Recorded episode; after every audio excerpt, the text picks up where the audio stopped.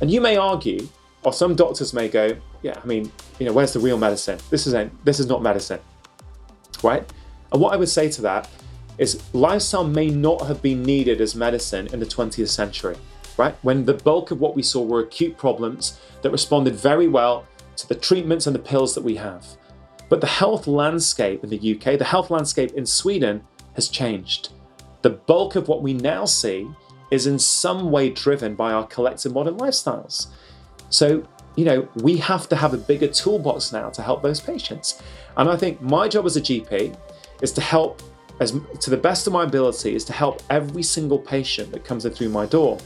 If most of my patients are now coming in with lifestyle driven illness, well, I've got to become an expert in lifestyle driven solutions.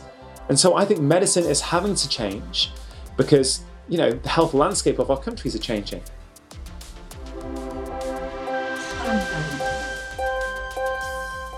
Hej och välkommen till Svampen. Vi är ST-rådet i Svensk förening för allmänmedicin, SVAMP. Vi är ST-läkare och nyblivna specialister från hela Sverige och vi vill bidra till att föra allmänmedicinen framåt. I den här poddserien kommer vi att samtala med personer som på olika sätt brinner för att utveckla just sin del av hälso och sjukvården. De är alla eldsjälar och vi är intresserade av att få veta vad det är som driver dem och att lära oss av deras erfarenheter. Välkommen till Svampen! Hej och välkomna! Idag kommer vi att eh, prata på engelska. Hello, my name is Ulrika Elmroth. I'm a GP and I'm sitting here with my uh, colleague Dr. Rangan Chatterjee. Uh, you're also a GP and uh, an author, and now you're in Sweden to promote your book, The Four Pillar Plan or Hälsobalansen. Welcome. Thank you for having me here. It's, a, it's, a, it's been brilliant. Good, great 40 hours here in Sweden. And uh, so, uh, Dr. Chatterjee, what's uh, what's your passion? My passion. I've got so many passions, but apart from promoting uh, lifestyle for health, uh, which is my professional passion, I guess my personal passion is music. Um, I, you know, I love. I love playing music, I love singing, I love writing songs. So, in my spare time, I do a lot of singing uh, and performing. So, that's probably my passion.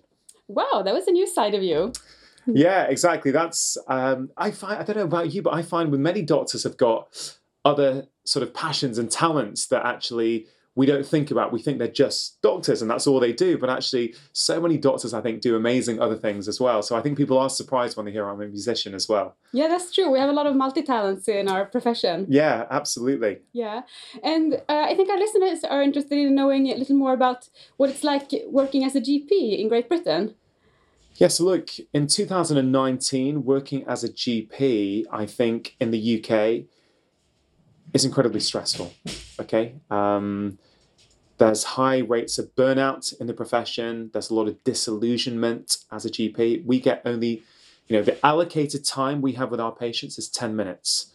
Now, once you take into account, you know, paperwork and typing up notes, actually, you probably got about six or seven minutes with your patients, which I think is just clearly not enough these days to deal with the complexity of problems that we're now seeing. Um, I think arguably it might have worked 30 years ago when we were seeing a lot of acute problems, but we're seeing a lot of chronic problems these days that are, you know, in a large part are driven by our collective modern lifestyles. And I think that not having enough time with our patients is a huge source of stress. Uh, some of us now in the UK, we're seeing between 40 and 50 patients every day, which is you know too much. How many do you guys see in Sweden? Would you say?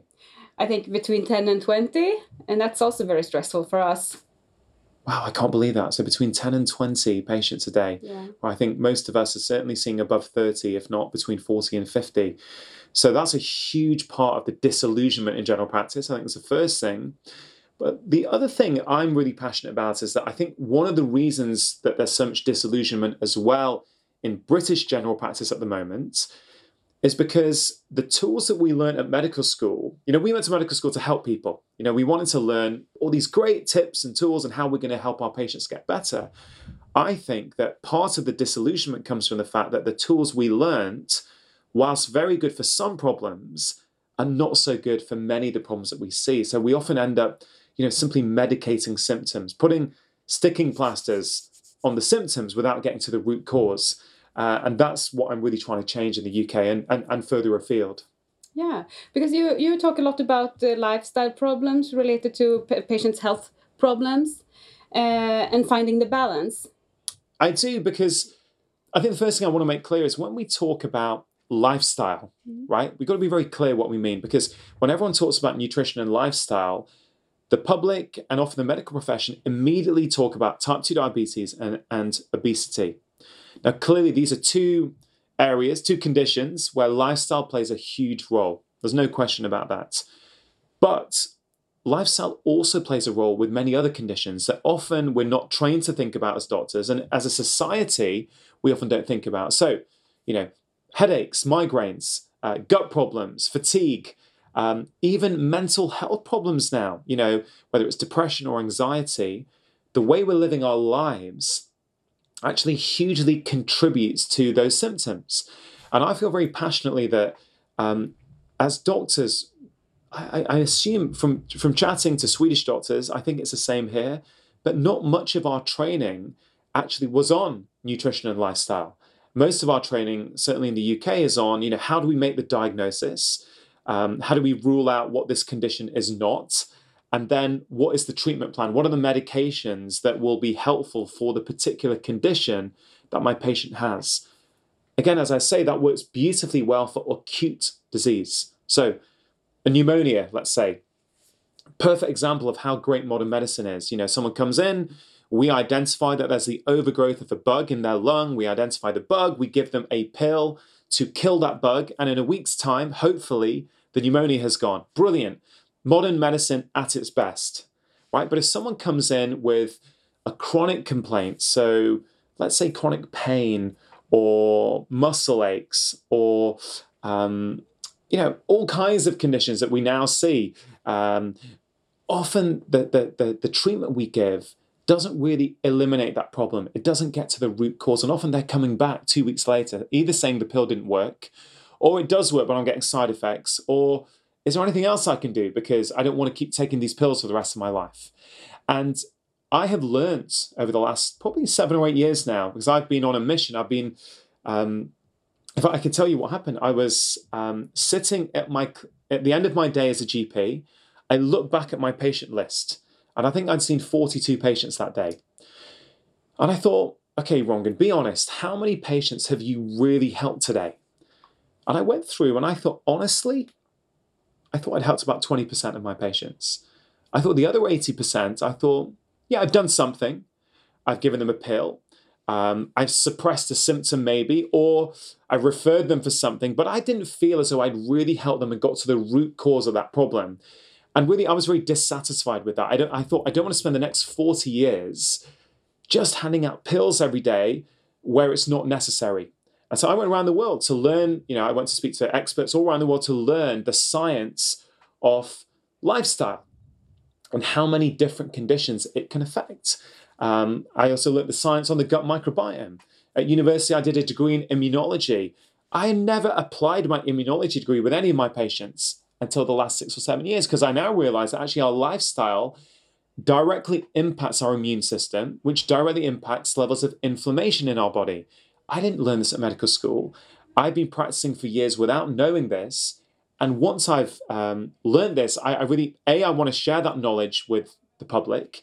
And um, I did some uh, primetime documentary series on the BBC in the UK, um, which went you know, to 5 million people each week in the UK, but also went to 70 countries around the world. And I managed to show that, that these families had um, conditions and symptoms that had already been under GPs, had already been under specialists, right? But I got six weeks, four to six weeks with families, right?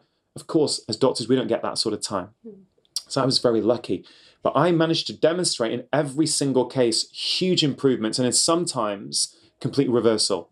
So, uh, just to give you an example, a lady with type 2 diabetes, right? I helped her put that type 2 diabetes into remission in 30 days.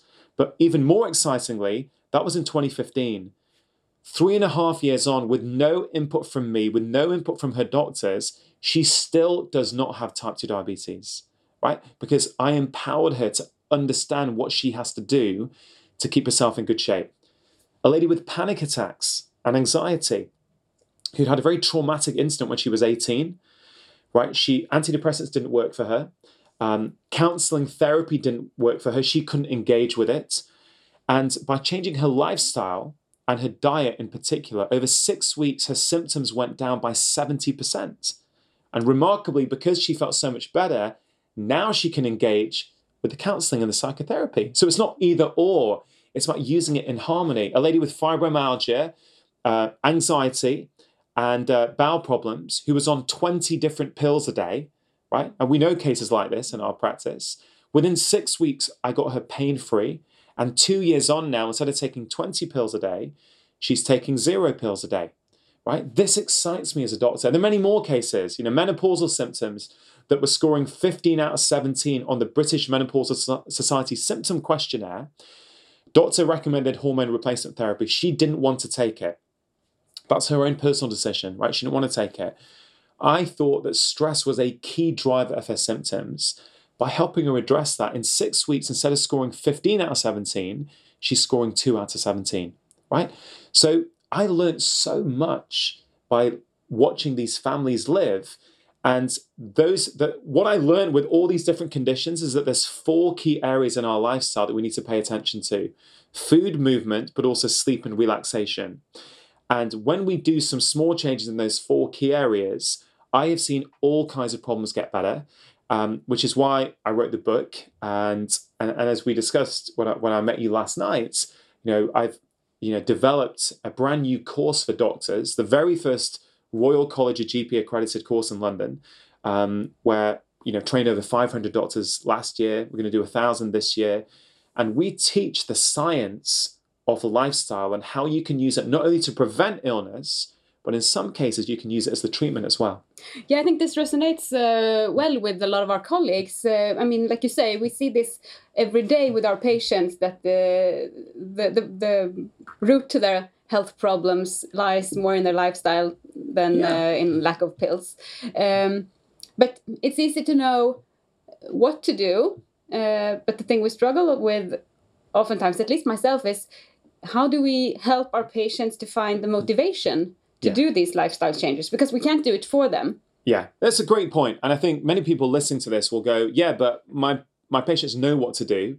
They're just not doing it right? So there's two factors to consider there. First of all i don't think all our patients know what to do okay? I think sometimes we can make assumptions that our patients do know um, and i think sometimes the advice we have given has been too generalized I think we can personalize the advice for that particular patient, right? And make it relevant to them in the context of their lifestyle. I think it's one thing that we can do as doctors. But the second thing is we've also got to broaden out the conversation. So, as I said right at the start, it's not just about um, type 2 diabetes and obesity, it's so much more than that. And I think we've got to be very compassionate with our patients because when we use the word lifestyle, it can feel as though we're blaming them. Right? And I don't blame any of my patients. I understand that modern life is tricky and that we all struggle, not only our patients, us ourselves as our, you know, as professionals, we struggle with stress and burnouts and not exercising enough and being tempted by the junk food at lunchtime, right? I get it. So I think if we take a very compassionate turn, I think GPs are very good at that anyway. I think certainly in the UK, you know, I think the, the sort of personality type that is drawn to general practice tends to be, you know, very, you know, it's very different personalities to surgeons, let's say, you know, um, very sort of compassionate, very understanding, I think. And um, so I think these things can help. And, and the other thing I think we can potentially think about, and this is something I've been talking to the Department of Health in the UK about, is health coaches. It's a new breed of professionals who are trained in how to um, create behavior change. So I have this idea that actually maybe the future model of medicine is that GPs are trained in lifestyle medicine because I don't think we are at the moment. So we understand the science of lifestyle medicine. I can tell you that the doctors who've been on our course, mostly GPs, but we also get cardiologists, psychiatrists, endocrinologists, because actually this is widespread throughout all of medicine. 95% of the people who attended would highly recommend the course to their colleagues. And I think about 90% of them have said it's significantly changed their practice because we've given people an actionable framework within 10 minutes how can you deliver a lifestyle prescription? Right, we work really hard and trying to create a simple framework. Um, so I've got this idea that actually the doctor would would um, create the personalized lifestyle prescription for that patient, but then the health coach could work with that patient and their family to, to sort of deliver it. Because ultimately, you know, doctors are a very expensive part for the healthcare system. And I think health coaches are a much cheaper part for the healthcare system. So maybe this is a way that we can actually save costs, but also deliver good outcomes for our patients. So that's one idea I have. Um, the other thing I think is worth mentioning is that, you know, I, I this is an example I use a lot because I think it's very, very important that strength training right? Muscle mass, we, we undervalue this in society. Once we hit 30, we're losing muscle mass each year, maybe 3 to 5% per decade. And we know that our lean muscle mass is the number one predictor for longevity. So I had a patient, I think it's a 42 year old guy a few years ago, and he came in to see me. It was I had a 10 minute consultation with him, and there was all kinds of problems going on. You know, I think a bit of his moods. Um, he didn't really work out much. I thought he was losing a lot of lean muscle mass. And I said, look, for you, I think muscle is going to be really important. It's going to help you with your mental health. It's going to help your mood. Uh, it's going to help you feel better about yourself. It's going to help you as you age. And he said, okay, doc, brilliant. Uh, what would you like me to do? 40 minutes, three times a week at the gym. I said, hey, that would be amazing if you can do that. He says, right, I'm going to do it. He goes off. Four weeks' time, when I review him, he comes back in. I said, how did you get on? He said, you know what, doctor, I've been busy. Uh, work's been tough. Uh, the gym is quite expensive. It's not on the way home. I've not done anything. Right. So I thought then, so I didn't think, why has this patient not done what I've asked him to do? Right. I thought something different. I thought, I've clearly not given him advice that he feels is relevant for him in the context of his life. So in that moment, I created something that I write about in my book called the five minute kitchen workout. I took off my jacket and I said, right, I'm going to teach you a strength workout right now that will cost you no money. You don't have to buy any equipment. You don't need to join a gym and you don't need to change your clothes, right? And it was five body weight exercises that can be modified for all ability levels. And I said, this is what I want you to do. He said, how long? I said, I want you to do five minutes twice a week. I made it super simple. And he said, What, 10 minutes a week? I said, Yeah, that's all I want you to do. He goes, All right, fine, I'll do it. So he goes away and he comes back four weeks later. I said, How are you getting on? He said, Doc, this is this has changed my life. I love this. I do it for 10 minutes every evening just before cooking my dinner. I do it seven nights a week, right? And I love it. I'm feeling better. My mood's better. I feel better about myself. My concentration sharper, right? So how did what was going on there? This is not a patient who didn't want to follow their doctor's advice. I had to give him better advice, right? And I have got patients who are 20 years old doing my five minute kitchen workout. I've got an 80 year old couple who are doing this every evening at home because it's about trying to come up with inventive ways of making it accessible to people. I only asked him to do 10 minutes a week, but he came back doing 70 minutes a week.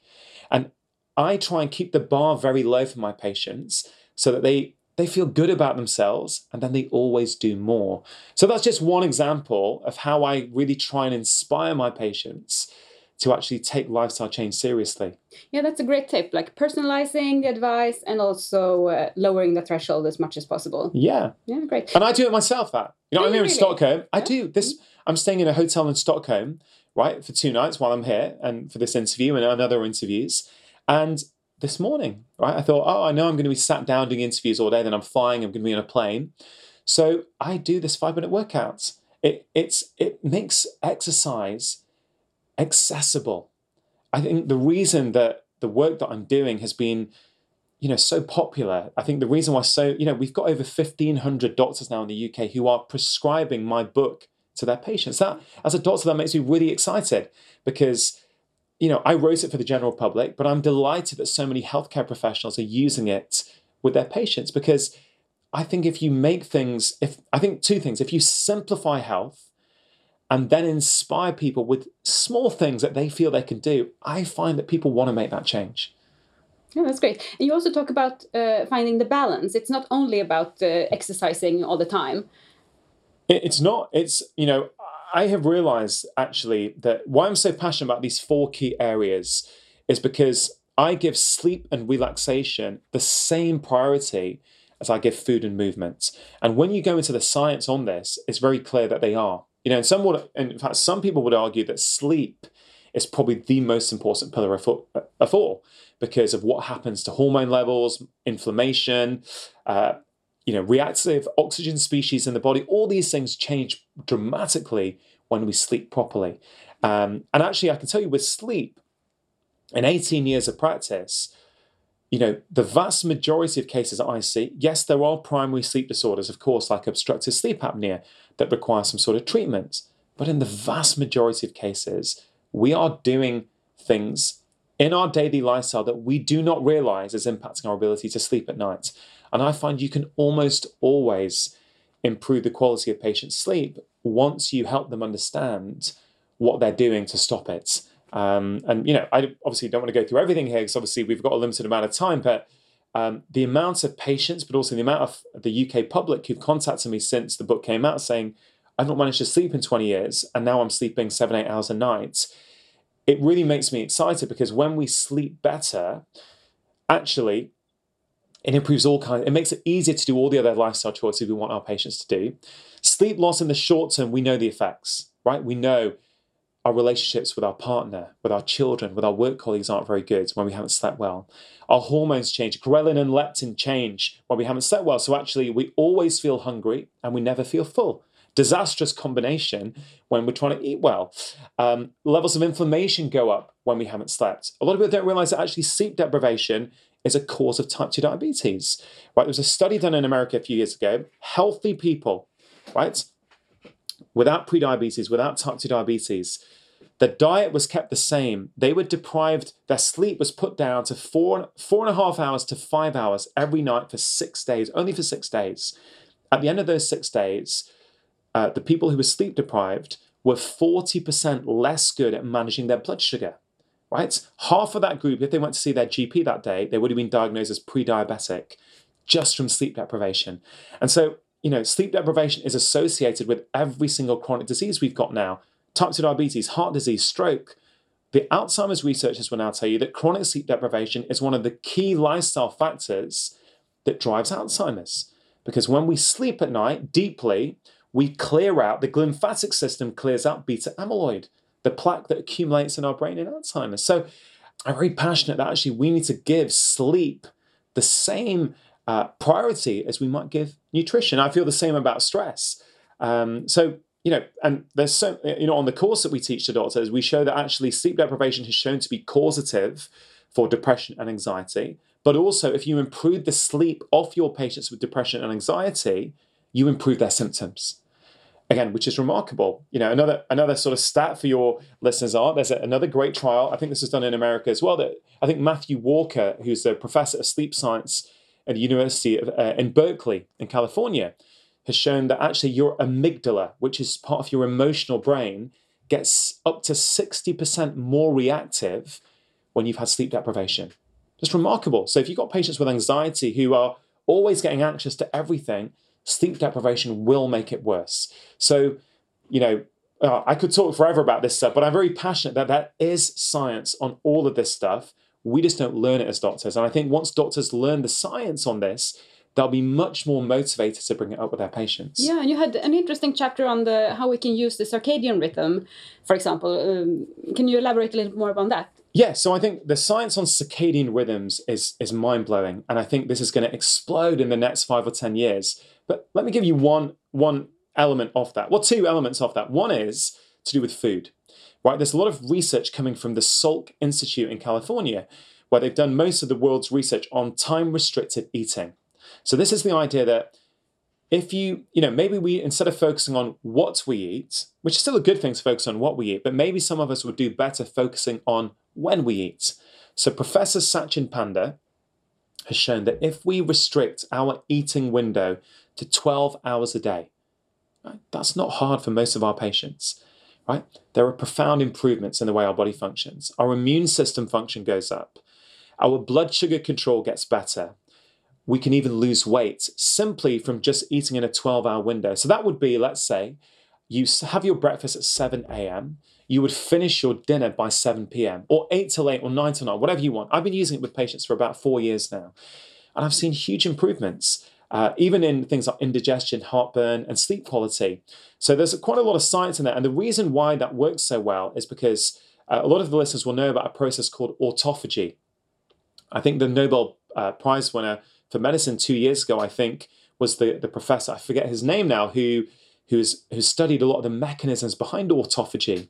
But autophagy is house cleaning for your body.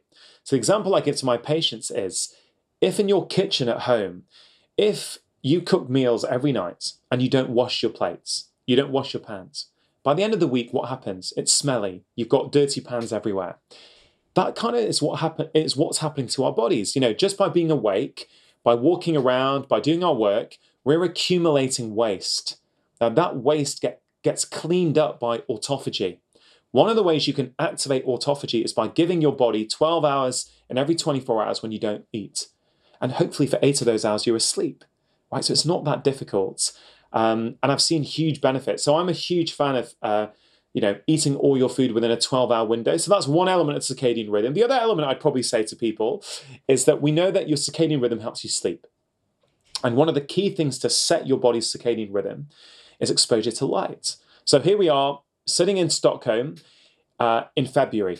Okay, it's the snow outside, it's cloudy today, and it's dark. It's dark early in the afternoon, it's dark in the morning. So, light is measured in something called lux. That's a unit of light. Uh, I appreciate a lot of your, your uh, listeners know this. Um, so, a dark room has got zero lux. If you go outside on a sunny day, for 20 minutes, you get exposed to about 30,000 lux, right? And the key thing to remember here is that to help us sleep at night, we need a really big differential between our maximum light exposure and our minimum light exposure. So, you know, dark room, zero lux, sunny day, 30,000 lux. If you go outside on a cloudy day for about 10, for about 20 minutes, you'll get about 10,000 lux through your eyes, okay? So, you know, between zero and 10,000. Again, really big differential if you got if you basically stay inside all day in a brightly lit office building in central Stockholm, you're probably not getting much more than 500 or 800 lux, right? So many people now in the UK, but also in Sweden at this time of year, are going to work in the dark. They're inside all day, right? And they come home in the dark and they can't sleep in the evening because they've only gone between zero lux and, and 500 lux. And a simple tip is if they can if we can encourage them to get outside ideally in the morning but you know even at lunchtime for 20 or 30 minutes that exposure to natural light helps to set your body's circadian rhythm and i've got some patients who that's all they need to do to help them sleep in the evening so those are two little tips that really help us with our circadian rhythm that you know, hopefully some of the, the listeners to this podcast may be able to talk about these things with their patients, I hope. Yeah, that's great advice. And I mean, the darkness is even worse in the north of Sweden. Yeah, exactly, exactly. Yeah. And you also uh, write about uh, the importance of reducing screen time. Why is that so important? Look, I think, um, you know, when we were at medical school, um, I don't know when you were at medical school, I was there between 1995 and 2001 at the University of Edinburgh. Um, you know, mobiles barely, mobile phones barely existed, but social media didn't exist. You know, it was a very different uh, world. In fact, I remember getting my very first email address when I went to university at medical school. They said, "Oh, we got this new thing called email, but we're going to give you an email address." And I thought, you know, I, what's email? You know, who, who, cares what email is? I'm not bothered. Uh, so all of my friends have got these old Hotmail addresses from, you know, I think '97 when we started getting uh, email addresses. So you know, I went to medical school. I didn't learn anything about screen time and how social media can impact our health. So I give an example. I think it was six or seven years ago. I was in my GP clinic, and it was a busy Monday afternoon. I had three patients waiting outside, and the 16 year old boy came in, and, and in the book, I call him Devon. That's not his real name, uh, but we call him Devon. So Devon comes in with his mother, and as they're walking in, I look at the computer screen to see what's been going on. And there's a letter there. And this 16 year old boy tried to harm himself at the weekend and ended up in the emergency room. You call it emergency room here? Mm-hmm. Yeah. And he was assessed by the psychiatrist and he was deemed to be safe to discharge. But they wrote me a letter to say, Dear Dr. Chatterjee, uh, please review Devon this week and start him on an antidepressant. So Devon comes in with his mother And I think, well, you know, I sort of know this family. They've been coming in to see me for a few years. They seem like a pretty well balanced family. I've never had that, you know, as a GP, we get that feeling of there's stuff going on there. I never thought there were any issues with this family at all. So I was surprised. I thought, I can't just put this guy on a pill until I understand what's going on here. And I know many GPs also, we're, we're very keen to understand what's the root cause of this person's problem. And as I was talking to him, I started to get really concerned with how much he was using social media. And I was concerned that that was having a, a damaging effect on his mental health. So I said, look, Devin, look, I, of course, I can prescribe a, a, pill for you today, but I think there's quite a few things in your lifestyle that I've identified that may be contributing to your mental health. Would you like me to help you understand what those are and see if we can tweak them? And he said, Yeah, yeah, that'd be great, you know. And so I said, Look, I think your use of social media might be playing a role here. He said, Really? I said, Yeah, look, why don't we try for the next week? One hour before bed, you switch your phone off right? You don't go on the internet, you don't go on social media, and let's see what sort of difference that makes. Now, for those doctors listening, I just want to be very clear. I did everything else that we're meant to do. I made sure he wasn't a suicide risk. You know, I felt comfortable with that. I did all the safety netting that we should do as doctors, just to be really clear on that. So he goes away. Seven days later, he comes back to see me. I said, How are you feeling? And he said, Well, I'm still not great, but, but something's changed. I'm sleeping a bit better and I'm less up and down in the day. I said, okay, great. And so we increased that to being one hour in the morning, one hour in the evening. And over the next six weeks, we increased it to two hours in the morning and two hours in the evening before bed. And little by little, he started to show more improvement. He's still not great, but he's getting better. And importantly, he started to really have faith in me that, oh, you know, this doctor's really looking into my lifestyle and helping me improve the way that I feel. Around about that time, I read a paper, I can't remember where it was, it might have been in the Lancet, or maybe it was before that Lancet paper, that suggested that the food we eat can play a huge role in our mental health. I thought, wow, that's amazing. That's what I've thought for a few years, but this is great to see some research on this. And so I thought when he came back in, I said, hey, Devin, what are you eating? And like many 16 year old boys, there was a lot of junk food, a lot of sugary treats. And he said, oh, I feel hungry every two hours, so I'm always snacking. I said, Look, Devin, did you know that the food you're eating might be playing a role in your mental health? He said, No, I had no idea. I said, The fact that you're eating high sugar foods all day means that your sugar levels are going up. Two or three hours later, they're, they're falling quite rapidly. When they fall, that is a stress on your body. So adrenaline and cortisol will go up then, right? So this is not just a hunger issue or a fatigue issue this can become a mood issue because when your stress hormones go up, that can impact your mood hormones. He said, Really? I said, Yeah. So I said, Look, can I help you change your diet? He said, Sure. Now, just to be clear, he didn't go to a whole food organic diet, right? He just made a few small changes. He had a protein rich breakfast, so he'd have eggs for breakfast to keep his blood sugar stable. And he would snack. I said, take some nuts with you to school. I think he took cashew nuts to school with him. So whenever he felt hungry, he'd just snack on those nuts. And again, bit by bit, he's saying, hey, look, you know, something's starting to change. I'm feeling a bit better. Anyway, then I didn't see him for a little while, which is not uncommon. You have so many patients, we can't follow them all up. Six months later, six months from the first date that I saw him, I was going through my mail in my practice and I opened a letter, and the letter was from his mother. And it said, Dear Dr. Chatterjee, I just want to say thank you. You completely changed Devin's life. He's a happy boy. He's engaged at school. He's got a good group of friends. And now he's playing sports at the weekends. I just want to say thank you.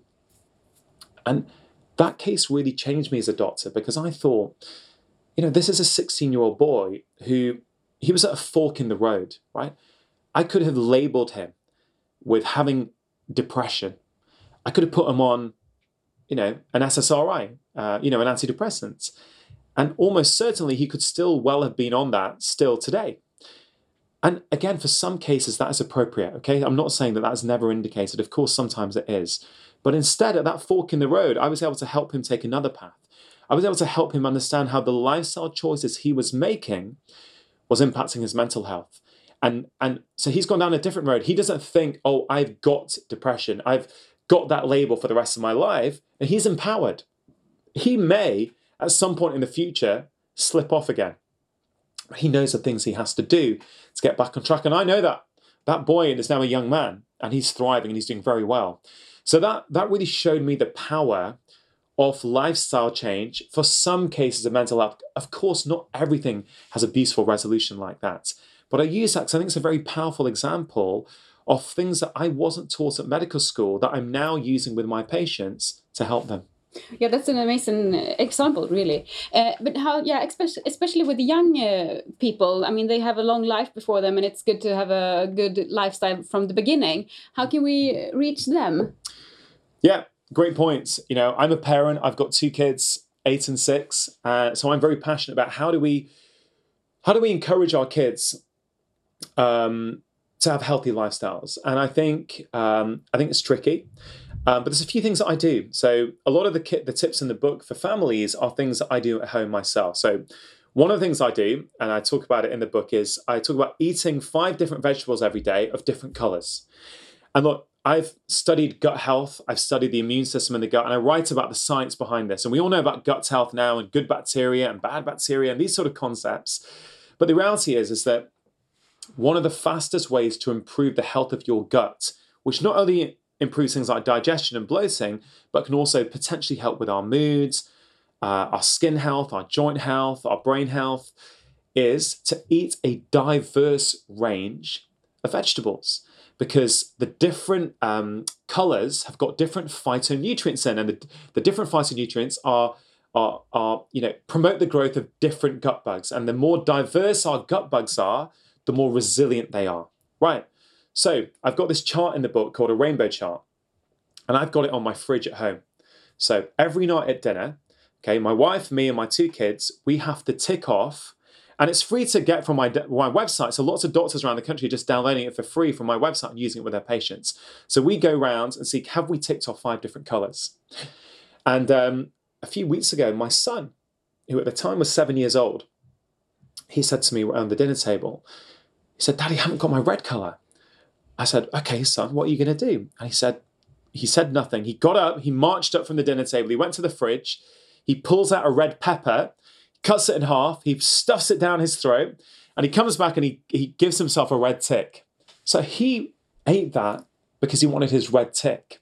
He didn't eat that because his dad has said, you know, look, son, red peppers have got a phytonutrient in called lycopene. Lycopene is very good for your heart. I have tried that approach with him. It doesn't work very well. So, this is a simple approach, right, that helps to gamify health. And I've got to tell you, it's great for kids. It's even great for adults as well. It helps me motivate me to get my ticks. So, that's one small tip. Um, this five minute kitchen workout I talk about, I do it at home and I do it with my kids. My daughter, who's six, often does it with me. And if I forget, she's like, Daddy, you're not going to do your squats before dinner. And we do it together. So, look, you know, I've been a parent for eight years. I'm sure many people listening to this have been a parent for much longer than me. But what I've learned is that kids don't really do what you tell them to do, kids do what they see you doing. So I think one of the best ways that we can help our children is to model the behavior we want them to adopt. And I think screen time is a big one. If we're always on our phones at home, around the dinner table, you know what? Our kids are going to see that and think, yeah, that's normal. Mummy and daddy are doing it. I'm going to do it. So that's one small thing. Um, I do sort of go into um, schools a lot to talk to kids because you know we've got a, a, sick population i think one thing we can do is we can educate the younger generation uh, because all these tips and tools are applicable for kids right i think um, I, th- I think that's how we make really really big change um, i do you know I, I think i don't know if you know the science on gratitude there's really good science now on gratitude how a daily practice of gratitude can help our physical health, but also our emotional health. And I put some of the studies in the book and what it does. And so for the last two years, I play a game at home with my kids and I talk to a lot of my patients about them. And even when I do things on the TV and the media in the UK, I mention this game a lot. And I know lots of families are now playing it, right? Every night at dinner, we all have to go around the table and answer three questions. What have I done today to make somebody else happy? What has somebody else done today to make me happy? And what have I learned today? Right? It's a phenomenal game because it, it changes the stress levels, it changes the dynamic. And what we're teaching our kids to do is to start to reframe their day. You know, as humans, we're naturally drawn to the negative. This helps our children from a young age start to look at the positive in each day. But my daughter said to me a few weeks ago, Daddy, you know, at school today, Annabelle opened the door for me as I went out for lunch, and she kept it open, and that was really nice. And it's such a you know, it's a small thing that we don't think much of, right? But I'm hoping that this is going to teach my kids hey, you know what? Yes, bad things happen every day, but actually, there's also good in each day. And there is good science on this now. So I talk to a lot of my patients in my practice about this kind of stuff. And you may argue, or some doctors may go, yeah, I mean, you know, where's the real medicine? This isn't this is not medicine. Right? And what I would say to that is lifestyle may not have been needed as medicine in the 20th century right? When the bulk of what we saw were acute problems that responded very well to the treatments and the pills that we have. But the health landscape in the UK, the health landscape in Sweden has changed. The bulk of what we now see is in some way driven by our collective modern lifestyles. So, you know, we have to have a bigger toolbox now to help those patients. And I think my job as a GP is to help as to the best of my ability is to help every single patient that comes in through my door. If most of my patients are now coming in with lifestyle driven illness, well, I've got to become an expert in lifestyle driven solutions. And so I think medicine is having to change because, you know, the health landscape of our countries are changing. Yeah, that's a very good point. Uh, in here in Sweden, we have national guidelines uh, for health, uh, for lifestyle prevention, uh, and they include, uh, of course, physical activity and food, uh, but also uh, smoking and alcohol. And uh, as far as I could see in your book, you don't write much about that. Yeah, that's a great question. So I made a conscious decision not to cover smoking and alcohol in my book. And there's, there's two real reasons for that. One reason is I think doctors, I think as a medical profession, we're very good at looking for smoking habits and alcohol habits, and we've got good services and systems to really try and help those people. I also think that in society, for years, we've been talking about smoking and alcohol. And I think generally people know that. It doesn't mean they're all doing it, right? But I think that's kind of well known. And so one of the reasons I didn't want to cover it is because I wanted to give new things in my book that people probably weren't familiar with. Yes, some of the interventions are simple, but I think a lot of the science will surprise people. They'll be like, oh, I didn't realize there's all this science on food helping our mental health, for example. That's one reason I didn't cover it. The second reason is there's a very positive message in my book, right? Uh, for example, in the chapter on sugar, I don't say that sugar's bad. I say denormalize sugar, right? Because I'm trying to say that look, humans have always we're hardwired to crave sugar. If we think we're going to avoid sugar in the modern world, we're kidding ourselves. You know, we're always going to want that sugar. I say denormalize it so it's not the norm. It's the it's the occasional treat rather than the everyday norm. When I talk about caffeine, you know, I love caffeine, right? So I say, but I know it can be a big sleep disruptor and it's got a long half life. A lot of people don't realize that if you have a large cup of coffee at midday, for many of us, a quarter of that coffee is still in our bloodstream at midnight because the half life is six hours. And so a lot of people wouldn't have a quarter of a coffee before they go to sleep, but they're doing the same thing by having a large coffee at lunchtime.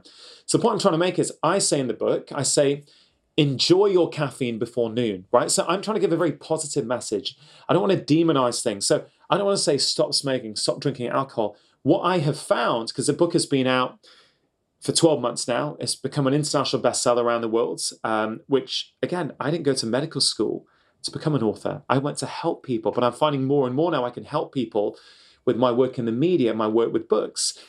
What a lot of the the, the feedback has been is that they love the tone I've taken in the book. It's very inclusive, it's very kind and compassionate, it's very positive. So a lot of people actually are reducing their alcohol consumption and their smoking because they've improved other areas of their lifestyle so they no longer need to compensate for it with booze and, and, and smoking. A lot of the time people drink so much, it's because the stress levels are so high in their life, right, that alcohol helps them de-stress. Well, if I can promote healthy choices that people feel are achievable and they feel better, I find naturally they start drinking less. Hmm. So, you know, it's a good point. I could have covered them, but I also made it a conscious decision to really keep the message super simple, focus on four key areas, and say, I just want you to focus on these four key areas. Small, achievable changes in these four key areas leads to really, really big results. Yeah, good. But speaking of all those small changes, I try to, um, you know, follow your advice. which which one? All of them. No, but I mean I, as many as possible. And I found that a lot of them are supposed to be done in the morning. So I'm like, how early do I have to get up, and how am I going to get in my hours of sleep? You know, you have to get the daylight. You have to get a good breakfast. You should do your exercise. You should do your meditation. Everything in the morning. How do you squeeze it in? yeah, well, you know what? I'm just trying to think back now. I, I'm not sure they all have to be done in the morning. no, maybe not all of them, but yeah, and I would say to people, everyone's got a different style of life, right? So people can personalize it to suit themselves. You know, some people will do it in their lunch break. You know, I have done that five minute kitchen workout sometimes in my lunch break in my consultation room, Hmm.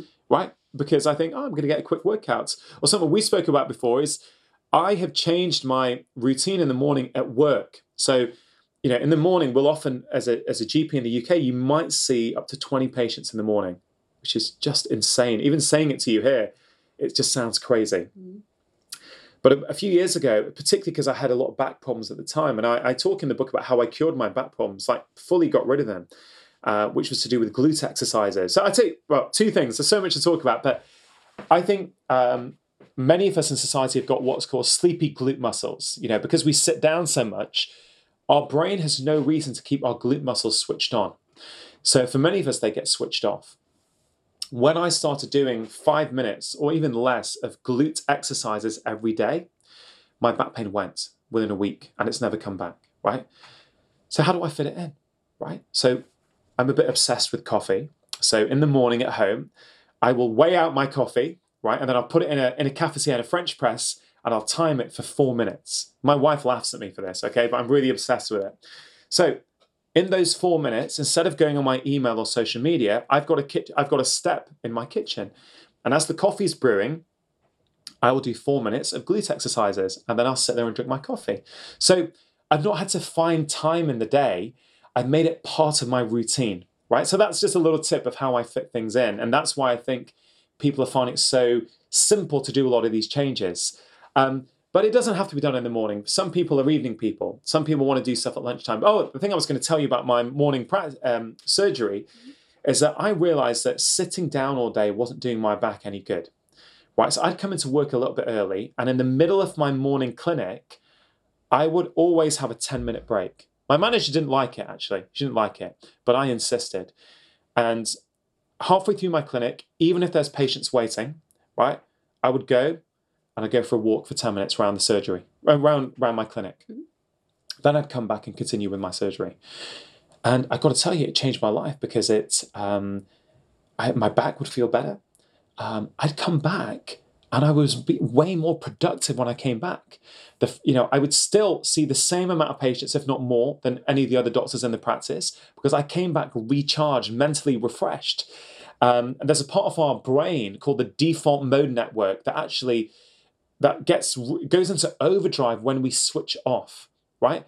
So when I go for that walk, my default mode network goes into overdrive, which which basically is responsible for solving problems and being creative. This is why so many of us come up with our best ideas in the shower and when we go for a walk because we've switched off. Our brain tries to solve those problems for us. So you know what I'm trying to say is I've sort of built in little things into my day so that I stay healthy. The other thing I do at work in my last practice. Um, I can't remember how long it took me, but I would never use the what we call in the UK a tannoy system. The, the we've got a speaker system where I'd, you'd call your patients. Mhm. I don't know if you have that here no, in I Sweden. don't think so. No, so we, you know, doctors sit in their room all day and they use a microphone to call their patients in. yeah, so you're laughing. Is that not what happens here? No, not that I know. Yeah, well, it's, that's incredible because that's the norm in the UK. And I thought, okay, eh, number one, this is impersonal. And number two, I think, well, it's a 20 second walk to the waiting room. If I call every patient, if I go and get them, that means I'll walk 20 seconds to them, 20 seconds back. That's 40 seconds for each patient. If I see 40 patients in a day, that's a lot of walking. So I thought, right, I'm going to call every patient. And what I do is it does two things. A, it keeps me moving and getting my daily step count in. B, it starts off a conversation with my patient. Well, a lot of my patients will say, Hey, doctor, why don't you just use the speaker system? I know you're busy, like all your other colleagues. And then that's a way in for me to say, Hey, I do this because it's a way of keeping me moving. And that inspires my patients to go, Oh, that's pretty cool. Not only is my doctor preaching a good lifestyle to me, he's living it as well. So, you know, I hope in some way that inspires my, I know it does because they fed back to me that it inspires them to go, oh, their doctor is also doing this. So anyway, it's just some quite interesting things. So obviously you guys don't need it here in Sweden because you you probably go and get your patients anyway. No, I did something similar. I had the room furthest down in the corridor, and first I was like, "Oh, why do I have to walk all the way?" But you get more like, steps yeah, I get more steps. exactly, and then you're building it in as part of your day. Exactly. Yeah. And um, those of us who've tried doing research uh, on the lifestyle know that the method isn't always so easy. And uh, that uh, also makes the, the results of the research uh, a bit questionable sometimes. So what's your take on evidence when it comes to lifestyle prevention? Yeah, I think you bring up a really great point, which is I think one of the reasons why the medical profession have been slow, have been quite slow to adopt some of this into mainstream practice. I think the research is out there. Um, I think there's more and more research going out there all the time. I think one of the problems is that we don't get taught the research. Number one, you know, there's a paper at the end of my first lecture on this prescribing lifestyle medicine course. I present a paper from 2000, right? So 19 years ago, where they looked at type 2 diabetic patients and they said the conclusion of the paper was um, yes, you can use metformin or lifestyle changes for type 2 diabetes. Lifestyle changes are much more powerful than metformin. This was 19 years ago, right? Yet it's still not translated for many of us into our mainstream practice. We still, as doctors, many of us, I don't want to assume for everyone, but many of us prioritize the drug interventions first. And as the patients are walking out, we say, oh, if you can eat a little bit better and lose weight, that will help you as well. Um, but I'll give an example of where the science is. In February 2017, there was a trial published by Profe- Professor Felice Jacka in Australia called the SMILES trial, S M I L E S. That's the name of the trial. I encourage, it's an open access paper. Everyone can type it into Google and find it. And I encourage everyone listening to have a look. This was a randomized control trial. Okay, so the same standard we would expect of our drugs. So this was a small trial, right? So it, it was only 67 people, small but very significant. 67 patients who all had moderate to severe depression already, already been diagnosed. They were already on treatments. Half the group were put in to a, a, a dietary group where they were put on a modified Mediterranean diet with dietitian support. The other half, the control group, were put in a social support group, right? After 12 weeks, the group who changed their diet had a 32% remission rate in their depression. The social support group had an 8% remission rate, right? So in 12 weeks, a statistically significant remission rate just from changing their diet. That was, I think, a groundbreaking study, and they're trying to repeat that with a larger population. That there's many more studies like that, but that I think just shows that there is evidence that this works for some people, right? And I lectured to 200 doctors in the UK about a year ago, and I said to them, How many of you talk about food with your patients with depression? And 5% of them put their hand up. Then I presented them about 20, 25 minutes on the latest research. I said, How many of you are going to do it now? And they all put their hand up. Right. So I think, A, we don't know some of the research that's out there because it's not part of our regular, either our medical school training or our continued professional development. It's not part of that training. So I think the research is there. The second thing I would say to people is lifestyle change is harmless. Right? So one of the basic tenets of being a doctor is the Latin phrase primum non nocere. First, do no harm. All the drugs we prescribe, right? And I prescribe drugs. I'm not against prescribing drugs, right? There are documented side effects. So an antidepressant, for example, has a documented side effect. It's under rare, but it will inc- for some people it will increase the risk of suicide, right? So I think okay, well let's think about this. Where appropriate, why don't we use harmless interventions first? And I think we've got to be very careful before we give a chemotherapy drug to a patient, a drug that can be very toxic. We have to be damn sure from the evidence that it's going to give some benefit, that the benefit is worth the risk. Right? And I agree, we need very powerful evidence for that. But surely, when it comes to lifestyle, right, surely we can use a bit of common sense as well. Um, maybe everything can't be measured. You know, I think lifestyle change often is not quite as powerful as a drug in the short term. And often it's not about just doing one thing, it's about doing two or three small things together. That gets a lot harder to study in a trial. So I think we need to take a bit of common sense. I think there is research out there, but I think we also have to understand that worst case scenario with lifestyle change is that you do no harm. Worst case scenario, right, is that the patient is no better. Best case scenario, they've changed their life. And you know, I, I, I, say the science is actually there now. Maybe 10 years ago it wasn't, but the science is emerging now in a big, big way. What I mentioned about intermittent, uh, sorry, about time restricted eating, very powerful data coming from California now. We're just not being taught about it. And what we found is when we teach doctors about it on our prescribing lifestyle medicine course, doctors are like, oh, this is incredible. Now I know that there's science there. I want to go and show it. And you know, we've discussed, you know, we've had a bit of inquiry actually from Stockholm, from doctors saying, can you guys come out here and teach this? And you know, we would love to come out here, you know, me and my colleague, if we can get maybe 100, 150 doctors who are interested. So, hey, anyone listening, if you let, you know, if you let Ulrika know, if you're interested, we'll come out for, you know, a day and we'll sort of teach this course here. And then, you know, we can get feedback from Swedish doctors and say, hey, is this something that is useful for you guys. So hey, let me know if we can because we'd love to do that. Yeah, that would be a lot of fun if we can hold the course here in, in Stockholm. Otherwise, people will be coming to, to you in, in London, right? Yeah, people can come. We're running it. You know, as I say, we're going to train about a thousand doctors this year. But as I say, all we need really to make it viable for us is probably hundred doctors or so. Uh, we can come and fly in for the day and, and teach it. And I, I think people would love it, you know, because I think it's very eye opening as a doctor. So um, yeah. Anyway, let's see how that how, how, how that develops. Yeah, we can keep contact about that. Uh, and now it's time to wrap up. But uh, if people want to know more about this, how can they do? Uh, I know you you have your own podcast. Yeah, so my podcast is called Feel Better, Live More. It's available on all podcast platforms, or they can go to my website and go to drchatterjee.com uh, forward slash podcast, where all the episodes are there. And it's, you know, again, I'm very lucky. It's the number one health podcast in the UK. Um, and I talk a lot of these professors I've spoken about today.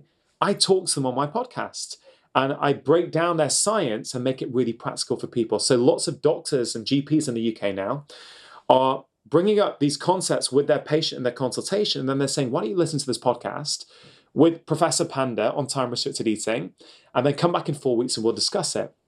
So it's a way that actually I'm trying to provide free resources a for the public, but also for healthcare professionals, mm-hmm. so they can, you know, they can really help their patients, which is what I want to do as a doctor. So the podcast, Feel Better, Live More.